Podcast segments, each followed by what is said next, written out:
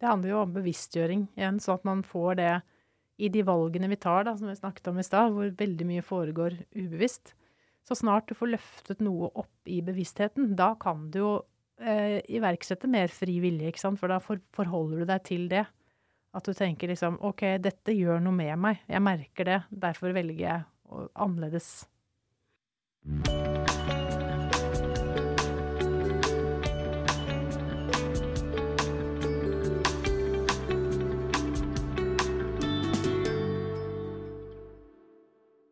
Hjertelig velkommen til podkasten Leger om livet. Mitt navn er Anette, og jeg jobber som lege. Jeg har laga denne podkasten for å formidle god og nyttig kunnskap om kropp, helse og sinn. Og jeg er så heldig at jeg får intervjua landets fremste eksperter på alt mulig forskjellig. Og får eh, Jeg sa det til deg, Marte. Jeg får 'picked your brain', men vi har ikke et godt norsk uttrykk for det. Hjertelig velkommen, Marte Roa Syvertsen. Tusen takk. Du er lege ved nevrologisk avdeling på Drammen sykehus. Mm. Du har skrevet doktorgrad om ungdomsepilepsi og hjernens pannelappfunksjoner. Du er foredragsholder, spaltist og forfatter av boka 'Menneskehjernen', og nå 'Ungdomshjernen' som er kommet ut. Det stemmer. Du er driftig, altså. og du har via hele livet ditt til forskning om hjerne. Hva er det som er så spennende med dette organet? Og det, det er jo alt, egentlig. Altså, det er jo hjernen som styrer alt vi holder på med, og den du er, og den jeg er. Så det er jo mest interessante man kan bruke tida si på, tenker jeg. Ja. Men hvordan kom du inn på dette? Det var egentlig ganske tidlig på studiet, på medisinstudiet. Da alle begynte å bli interessert i forskjellige typer fag, og så tenkte jeg bare å, ja, men jeg vil jo ikke drive med gastrokirurgi. Hva skal jeg Og så um, hadde vi en uketjeneste med en veldig en sånn praktisk uh, klinisk arbeid, da, med en veldig engasjert professor som uh, trakk opp linjene mellom forfatteren Fjodor Dostojevskij og hans epilepsi. Og så tenkte jeg bare ah, hjernen. Epilepsi. Og nå er det det jeg bruker tiden min på. Han Fjodor eh, Dostojevskij har jo et veldig godt sitat. Han har jo sikkert veldig mange sitater. Ja. Men han har jo en et sitat Var det fra din bok jeg leste? The mystery of human existence lies not in just staying alive, but in finding something to live for. Den har ikke jeg sitert, men det er jo veldig godt sagt. Det er så godt sagt. Mm. Men eh, det var en digresjon. Mm. Ja, Så du begynte å forske på dette, og du har bare blitt mer og mer interessert i det ettersom tida har gått? Ja, det er jo sånn at jo mer du finner ut, jo mer finner du ut at du ikke har funnet ut. Så det er jo bare å fortsette og fortsette. Og, og, sånn er det jo med hjernen. Det er liksom de siste hvite flekkene på kartet menneskekroppen, tenker jeg. I hvert fall de største. Ja. Ja, Så det er spennende. Men vi forstår ikke helt hvordan det funker. Nei, og der er det jo et annet glimrende sitat. Den der med at hjernen var så enkel at vi kunne forstå den, så ville vi vært så dumme at vi ikke forsto den likevel. Ja. Ja. Det, det er eh, Jeg leste det i Kabalmysteriet av Jostein Gaarder, men han har visstnok lånt den fra en annen igjen, altså. Ja, Ja. nettopp. Men hva er det som gjør at vår hjerne er så forskjellig fra andre arter? For at vi, vi er jo forskjellige. Vi er jo et annerledes dyr enn eh, de andre. Veldig annerledes. Helt, helt unike i biologisk sammenheng. Det er jo bare å se på de tingene vi driver med, som eh, ingen andre arter er i nærheten av, ikke sant. Ta verdensrommet og farte rundt der, eksempel. Ja. Så det er noe med den evnen vi har til å tenke nytt, eh, bygge stein på stein, og så utvikle oss stadig, da. Og det, fordi genmaterialet vårt og hjernene våre er jo egentlig helt like som da vi satt disse leirbålene og bodde i huler, ikke sant? ja. Og så har vi liksom eh, utviklet oss så eh, voldsomt. Og det har jo med hjernen å gjøre. Det er jo det som gjør at vi har den posisjonen som vi har i økosystemene og sånn biologisk. Mm. Og så er det sånn hva Men hva med hjernen, da? Ikke sant? For det er jo veldig mange hjernefunksjoner som andre arter også har. Typ ø, hukommelse og læring og eh, kommunikasjon også, for så vidt. Selv om den er veldig avansert hos oss mennesker, da. Og sansene, motorikk og sånn har jo også andre arter. Men så er det et område i hjernen som er spesielt stort og velutviklet hos oss mennesker. Og det er jo de fremre delene av hjernen. Det som vi kaller for pannelappen. Mm. Der er eh, nøkkelen til mysteriene, tenker jeg. Så det som er rett bak panna vår, mm. det området der, Ja. det er veldig spesielt i forhold til andre arter? Ja, det er det. Det er ekstra stort. Og så har det ekstra gode forbindelser til resten av hjernen hos, hos, eh, hos oss mennesker. OK, Ja. hvordan da?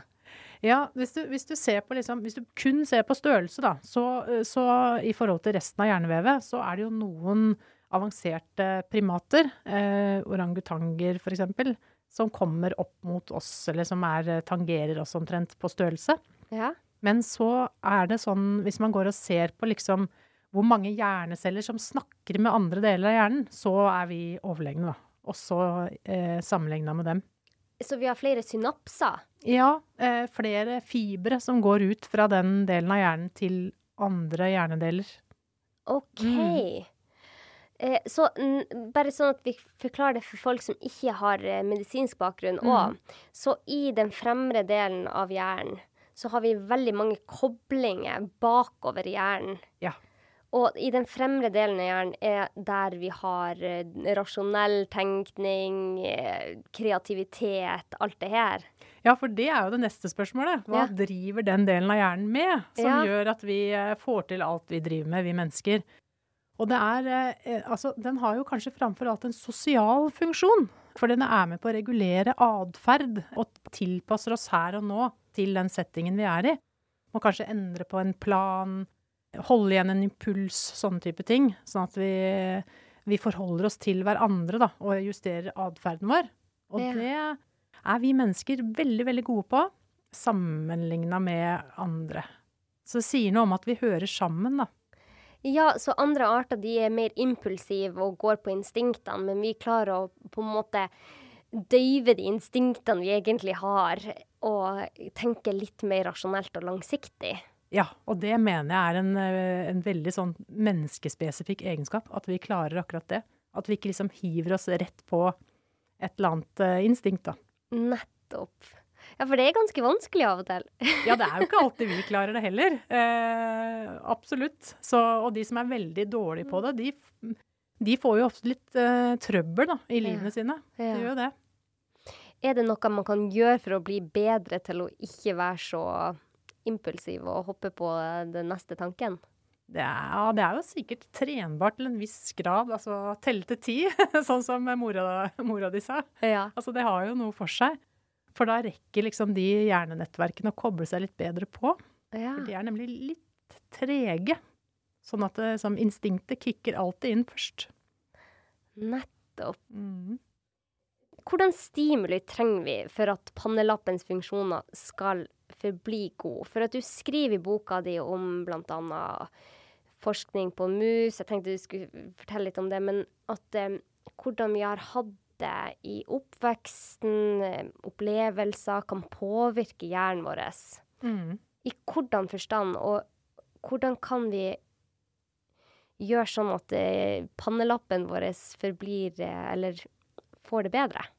Ja, det er egentlig et veldig, veldig godt spørsmål. Og det, det er jo et spørsmål som gir grunn til litt sånn optimisme også. Fordi at eh, denne delen av hjernen er under utvikling veldig, veldig lenge.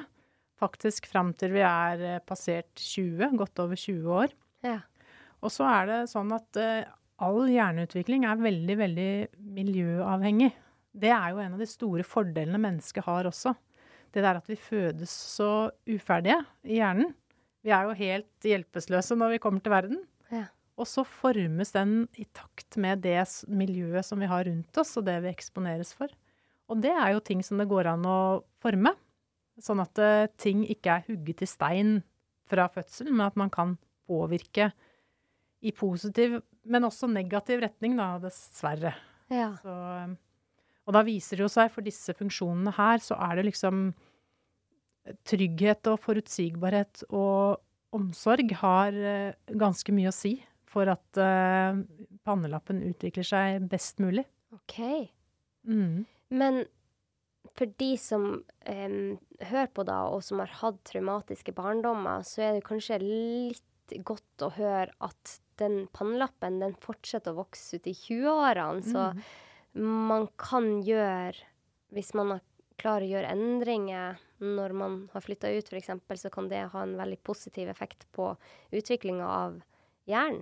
Ja, la oss si at du eh, starter en annen type liv når du er sånn eh, 18-19, som jo mange av oss gjør da, egentlig. Kan noen enda tidligere òg. Så, så er det klart, ja, kanskje ikke hjernen er helt Den er ikke helt voksen enda, og kanskje liksom ikke helt klar for voksenlivet heller, kanskje, hos alle sånn sett. Men samtidig så er den jo fremdeles veldig formbar, sånn at man kan kanskje endre på noen av de mønstrene. Og så tenker jeg at eh, en annen viktig ting er jo at eh, hjernen er jo Den utvikler seg og fortsetter jo å utvikle seg, selv om vi har passert 20 og 30 og 40 også. Vi lærer jo hele livet. Ja, Heldigvis. heldigvis for det.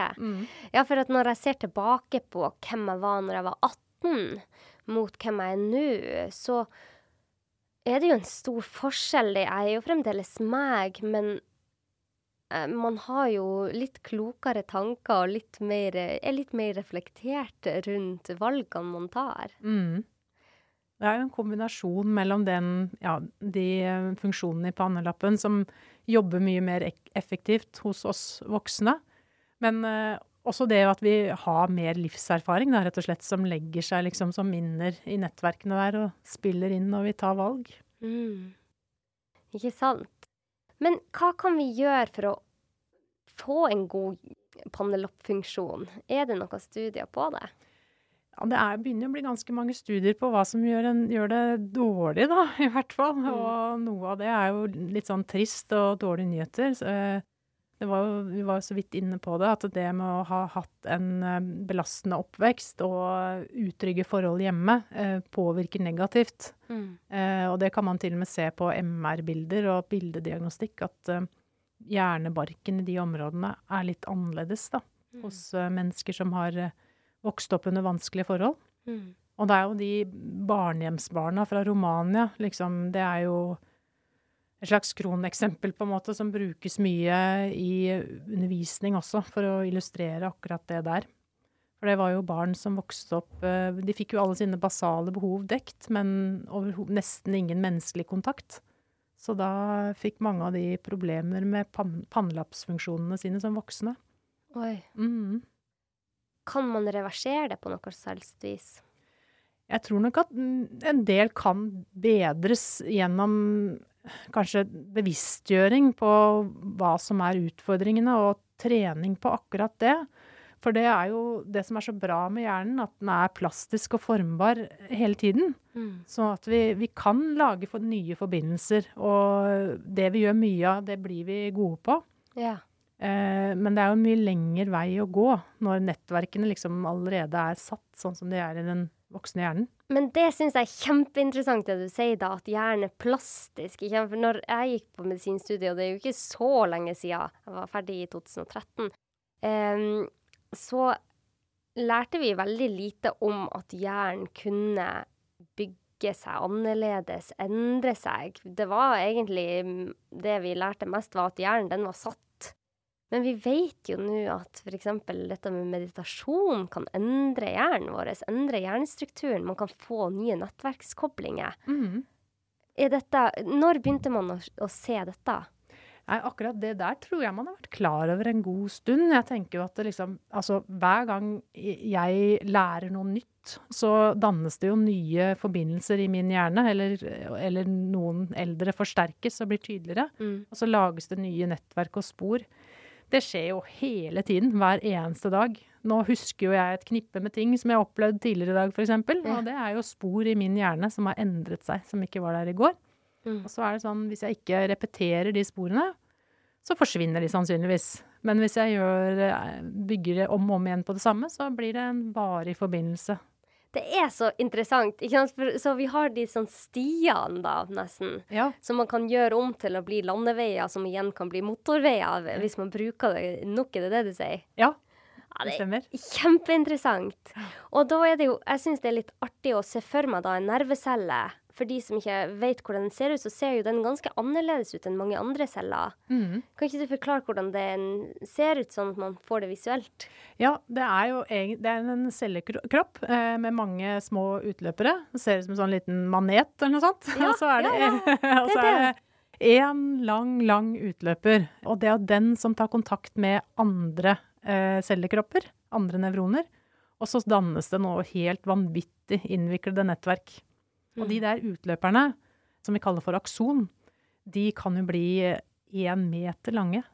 Er det sant? Ja, Hva i alle dager? Ja, det er jo helt vilt.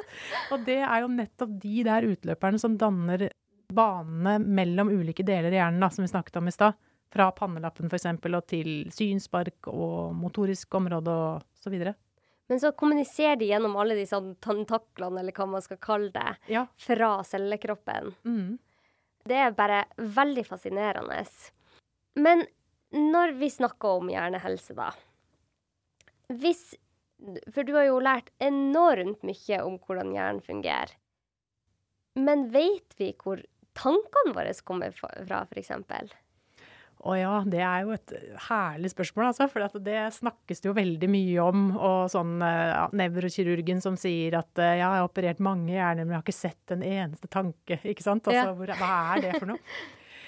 Ja, hva er tanker? Det tenker jeg liksom sånn Først må du definere hva det er. Eh, og når jeg tenker, så er det jo ulike typer tanker.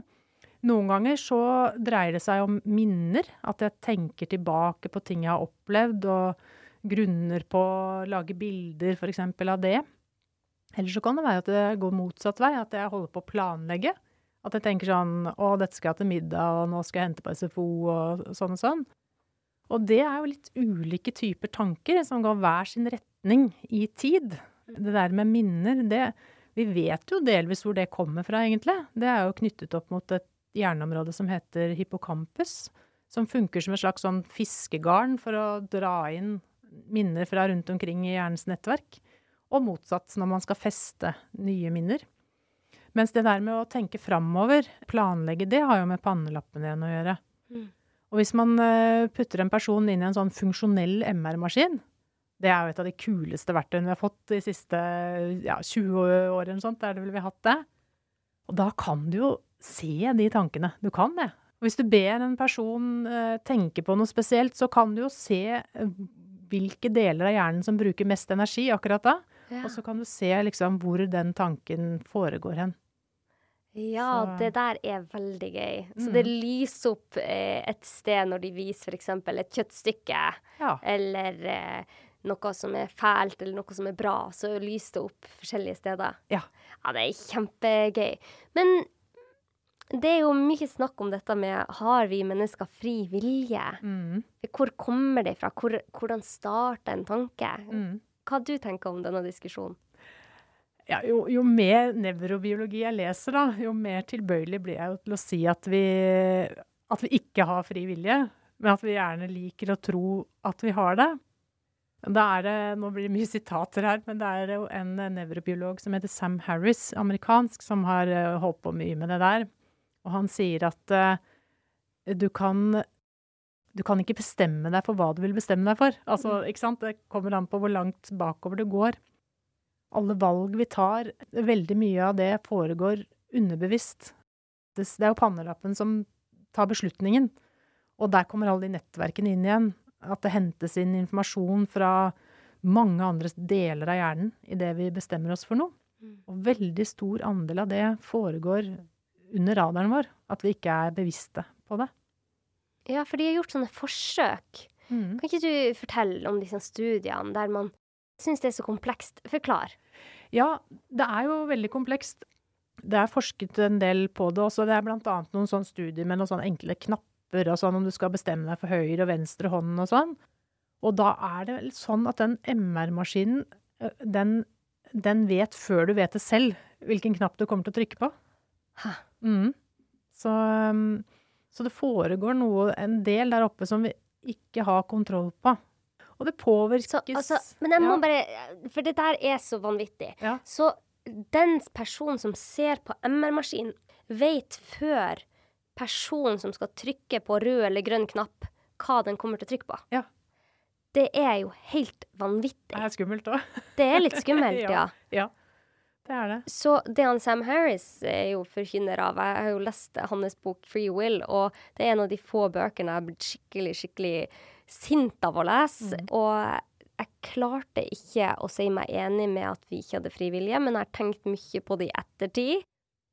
Hans eh, rasjonale bak det er at man man vet ikke hvor starta tanken ifra. Ja. Hvor, for at en tanke skal starte, hvor, hvor, hvor er starten, da? Mm. Og at hjernen er på en måte bare et organ som en lever. At den gjør ulike funksjoner ut ifra hvordan stimuli den får. Er det det, jeg, hvis jeg forstod det riktig? Ja, sånn leste jeg også den boka, og, Ja. den, og den måtte jeg konsentrere meg veldig når jeg leste den. Den er veldig tynn, men ja, ja, den er tynn, Ja. men veldig Man må konsentrere seg veldig, ja. Ja, men eh, det er jo igjen litt sånn spørsmål om hva man kaller det, eller definisjonene. For jeg har tenkt også litt sånn at eh, ja, kanskje fri vilje kan også ses på litt som evnen vår til å kontrollere disse her mer dyriske impulsene, for eksempel. Mm. Ikke sant? Hvis det plutselig kommer en sånn voldsom impuls til å, jeg vet ikke, raide godterihylla på Rema 1000, at det bare å, jeg må ha godteri. Ja. Det er jo ikke din frie vilje som gjør det, er jo et instinkt, ikke sant? Et behov for sukker eller noe sånt. Ja. Og så klarer du liksom å ta kontroll på det. Mm. For du sier liksom nei, det er sånn gjør man ikke. Det er regler for det. Det går imot min moral. Ja, eller sosiale koder, eller det vil få konsekvenser for meg. Mm. Så jeg kontrollerer dette med min frie vilje. Så bestemmer jeg over den impulsen. Ja. Og det er jo de pannelappsfunksjonene igjen, da, Ja. som gjør oss i stand til det. Det er litt sånn spørsmål om hva det egentlig er, da. Det der å ta et valg, og bestemme hvor mye bestemmer jeg over det valget. Mm. Jeg har trua på at vi klarer å overstyre de der. Kanskje dyr ikke har fri vilje, men at vi er så høyt utvikla at vi klarer det. Men det er jo òg veldig interessant det at de gjør tester, og så kan den som ser på MR-maskinen, se før deg Ja. hva du har tenkt å velge. Det syns jeg er veldig å, ekkelt å tenke på, faktisk. Ja, og så er det vel noen sånne anekdoter på det, at det er sånn filosofistudenter eller noe som har hatt dette som eh, tema, og så etterpå er det mer juksing på prøvene, eller ikke sant? At når det, Ikke sant? det blir moralsk forfall, da. Hvis man kan Ikke si. sant? Det var ikke meg, det var hjernen min. Ja, nei, jeg velger å tro at vi har fri vilje. Men det er en interessant diskusjon. Men da er vi òg litt inne på dette med personlighet. Mm. Er vi født med vår personlighet, eller blir den utvikla?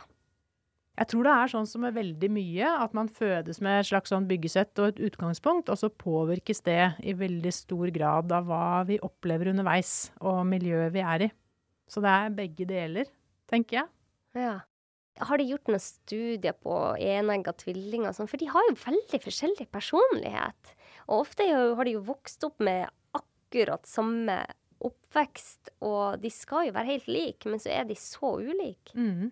Det har, har jeg ikke sånn på stående fot noen gode referanser på, men det fins sikkert, altså. Ja. Eh, Helt sikkert undersøkt.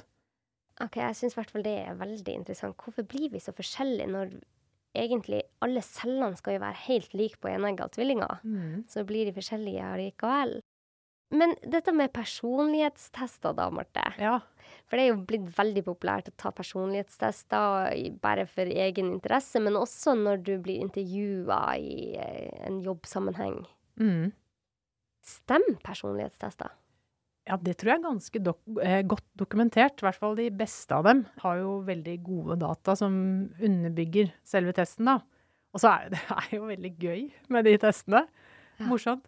Men det er, jo på, det er jo på et helt annet nivå enn sånn ukebladtester, kryss A, B, C eller D. Ja. Det, er jo, det er jo ordentlig vitenskap som ligger bak. Har du Så- tatt en sånn test? Ja da. Ja, følte du at det stemte?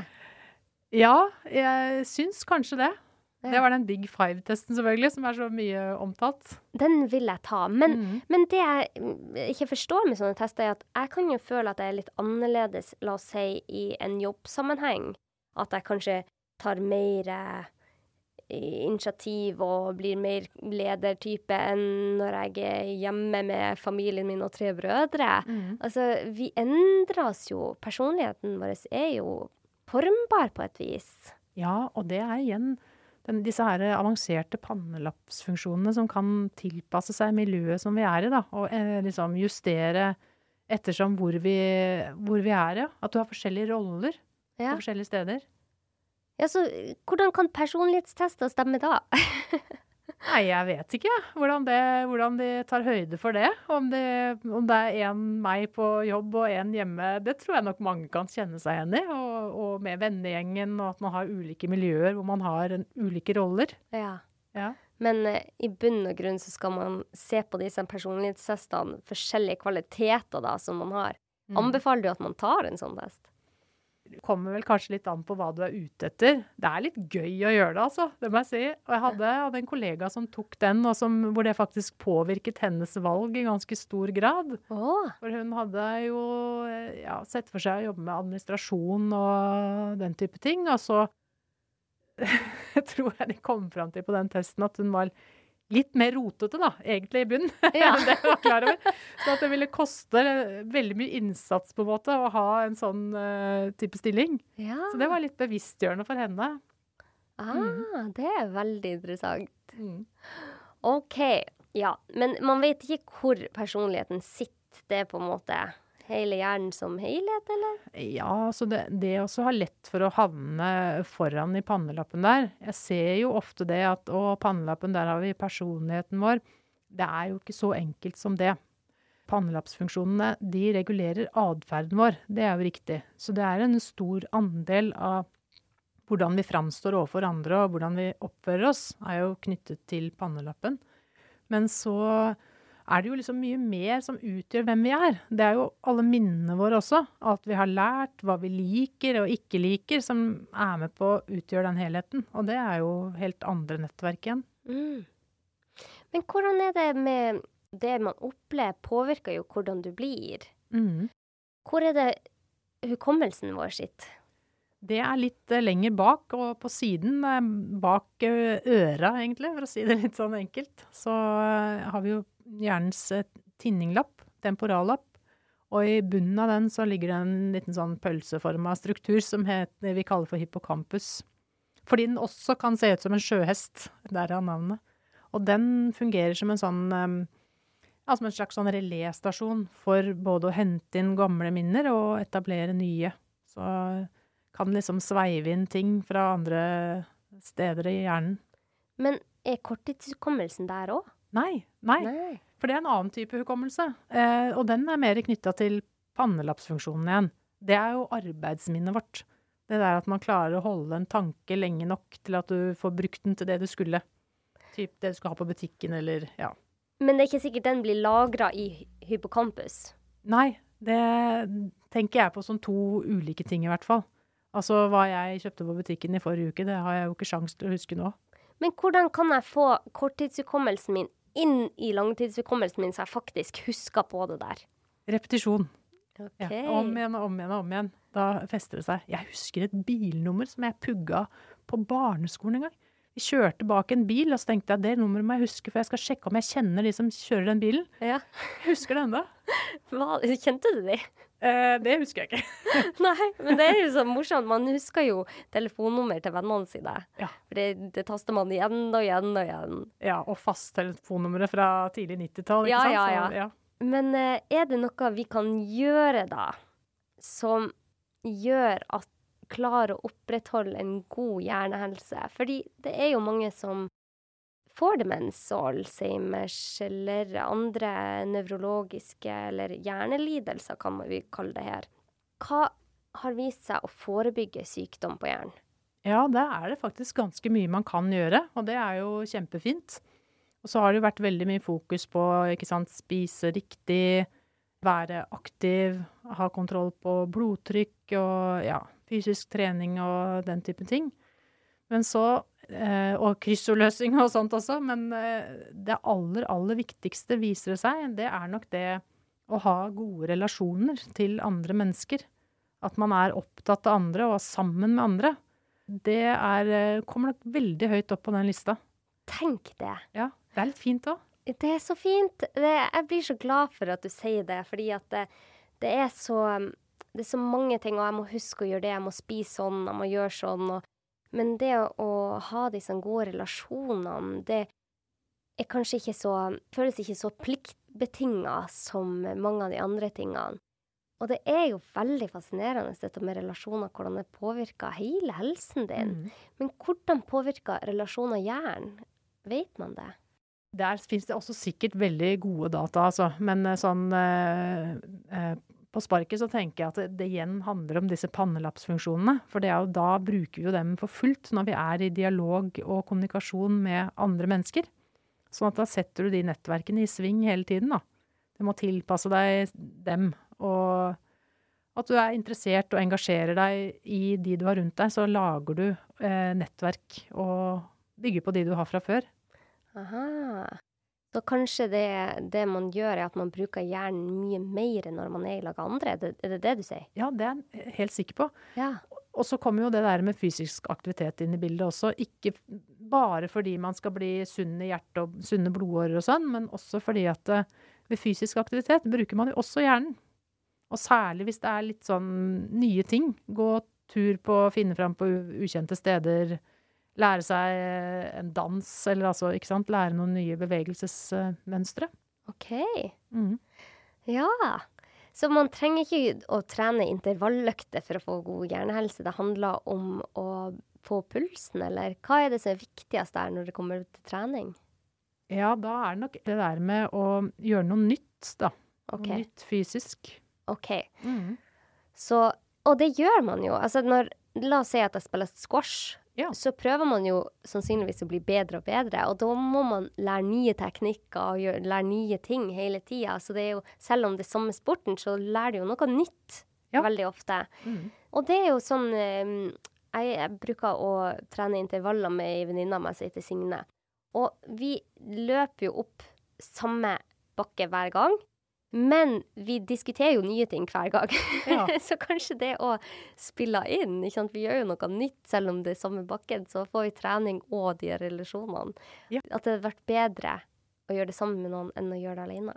Absolutt. Det tenker jeg det er stor forskjell på. Hvis du hadde løpt den bakken helt alene, så ville du fått treninga, men ikke like mye hjernetreninga, da.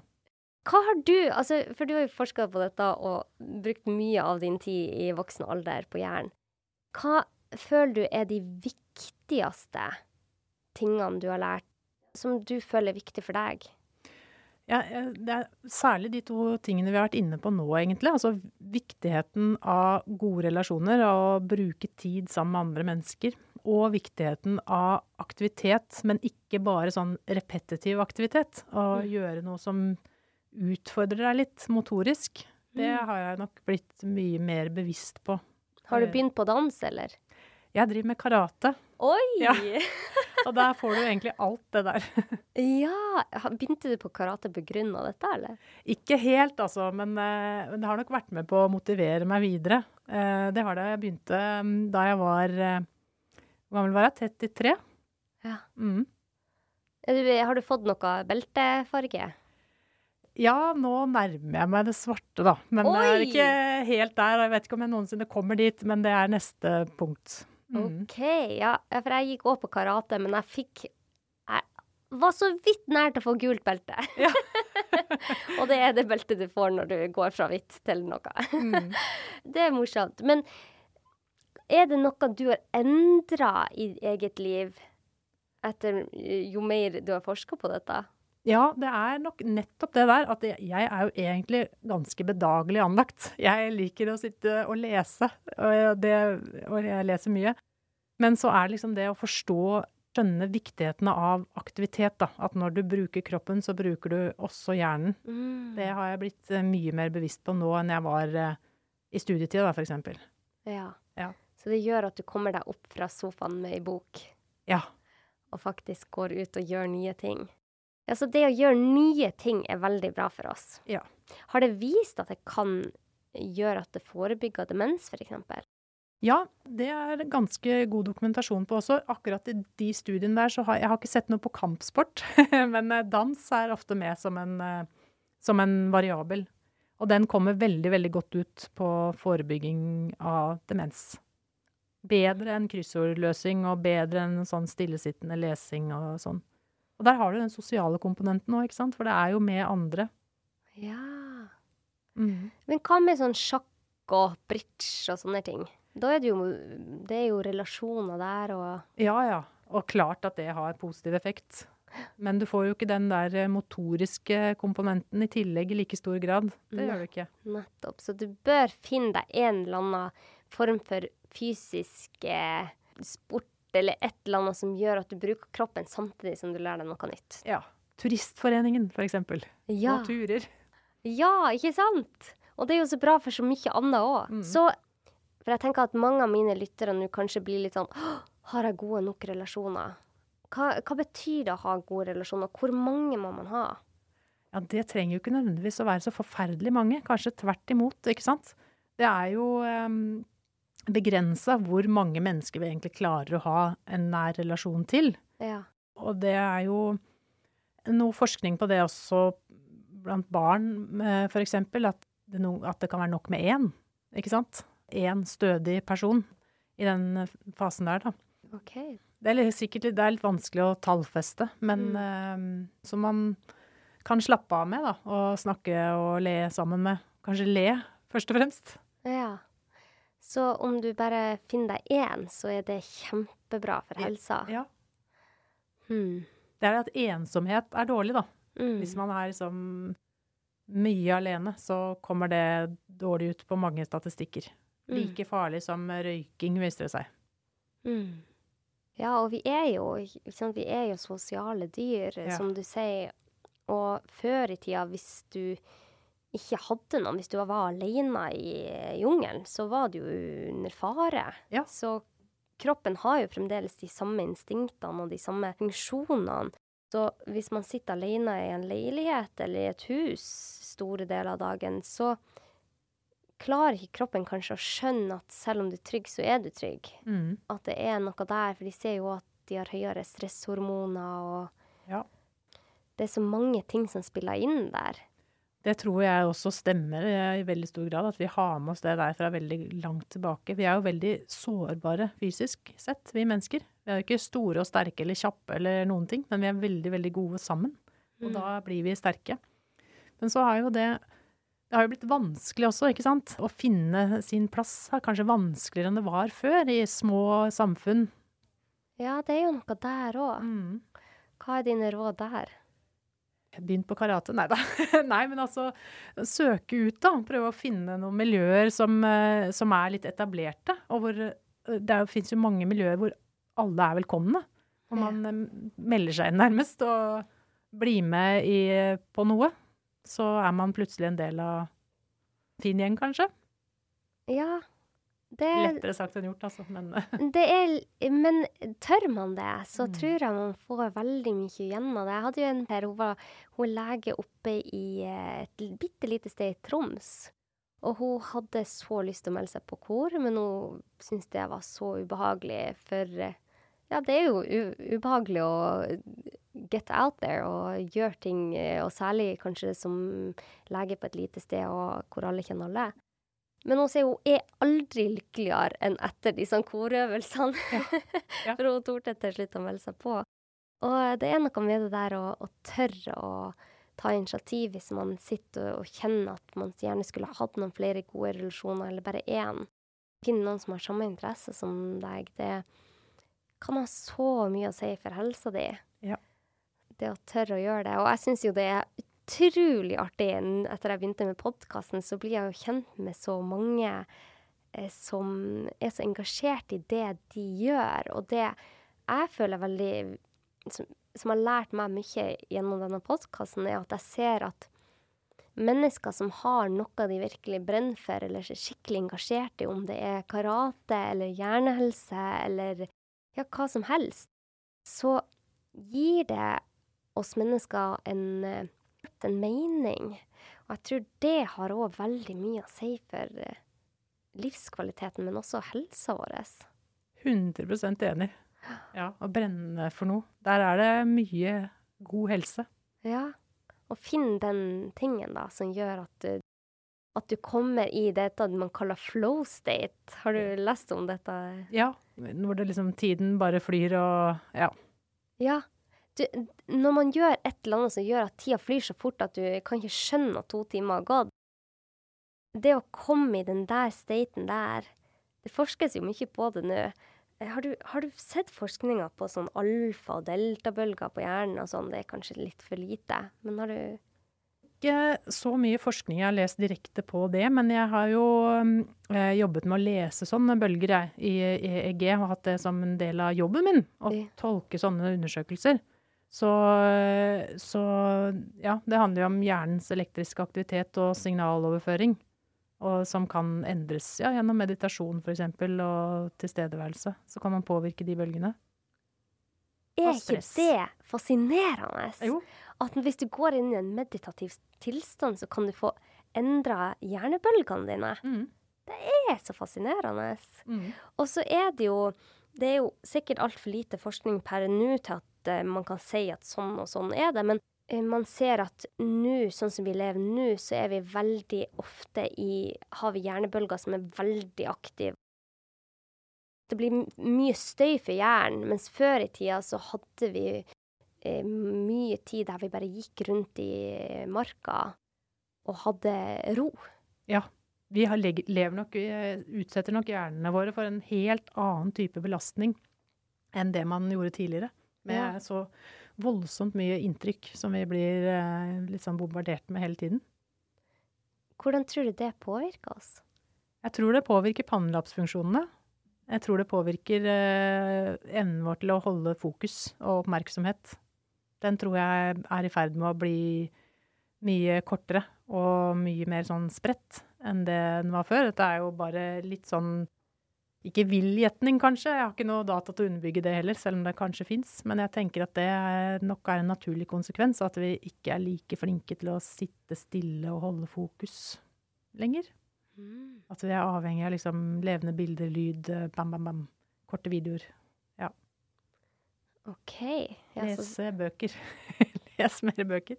så det kan rett og slett gå utover konsentrasjonsevnen vår, det at det blir så mye informasjon og så mye støy rundt oss. Jeg tror det. Mm. Jeg syns jeg merker det på meg selv også. Ja. At jeg har ikke helt den samme roen på å sitte lenge med en bok som jeg hadde før. Det er veldig mange som sier at de opplever det jo mer de er på sosiale medier og sånn. Mm. Er det noe forskning på det? Ikke som jeg har eh, på stående fot, selv om det kanskje finnes, altså. Det forskes jo på utrolig mye forskjellig. Men eh, det tror jeg sånn teoretisk er veldig sannsynlig. Ja. Så, og med sånn anekdotisk uh, forskningsprosjekt med én deltaker, meg sjøl, så kan jeg jo si at det stemmer, i hvert fall. Ja. Mm. Ja, det er fascinerende. Det er så mye som påvirker oss, som er vanskelig å forske på òg. Ja. For det handler om så mange ting samtidig som har endra seg i våre samfunn, og hva er det som har ført til hva. Men jeg merker i hvert fall at jeg blir veldig urolig hvis jeg scroller på sosiale medier. Ja. Og jeg er blitt bedre med årene med å kjenne etter. Oi, hva som skjedde nå? Liksom. Nå merker jeg at det ble sånn trykk i brystet. Og OK, jeg driver og scroller på sosiale medier. OK, da slutter jeg med det. Men det er vanskelig å bli bevisst for det er så mye som skjer hele tida, og jeg må hente meg inn hele tida, føler jeg. Men uh, man kan gjøre en endring og gå mot et, en tilstand der man har mindre uro, kanskje. Mm. Det tror jeg nok. Det handler jo om bevisstgjøring igjen, sånn at man får det i de valgene vi tar, da, som vi snakket om i stad, hvor veldig mye foregår ubevisst. Så snart du får løftet noe opp i bevisstheten, da kan du jo eh, iverksette mer fri vilje, ikke sant? For da for, forholder du deg til det.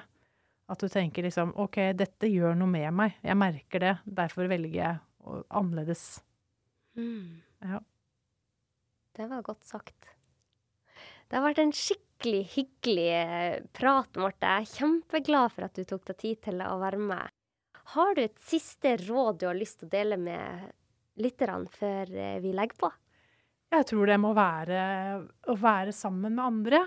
Vær sammen med andre, vær fysisk aktiv med Gå en tur ute sammen med noen du er glad i, på et nytt sted. Ja! Det skal jeg jammen meg gjøre i dag. Tusen takk for at du tok deg tid. Er det et sted lytterne mine kan nå deg? Er du på sosiale medier eller noe sånt? Jeg er jo selvfølgelig det, jeg òg. Så jeg har en, en Instagram-konto og, en og en side på Facebook for, uh, som forfatterprofil, da. Ja. Marte Roa Syvertsen. Ja. OK, det, det er det det heter? Ja. Supert. Tusen takk for at du tok deg tid. Takk skal du ha. Og eh, hvis dere ønsker å spørre noen spørsmål eller gi noen tilbakemelding på dagens episode, så skriv under der jeg poster om det på Instagram eller Facebook. Hvis det var noe annet du ønsker å formidle, så bare ta kontakt. Jeg får veldig, veldig veldig mange meldinger og mailer for tida, så jeg rekker ikke å svare på absolutt alt. Men jeg prøver så godt jeg kan, og jeg leser alt. Og med det så ønsker jeg dere en kjempefin dag. Vi høres neste tirsdag. Ha det godt.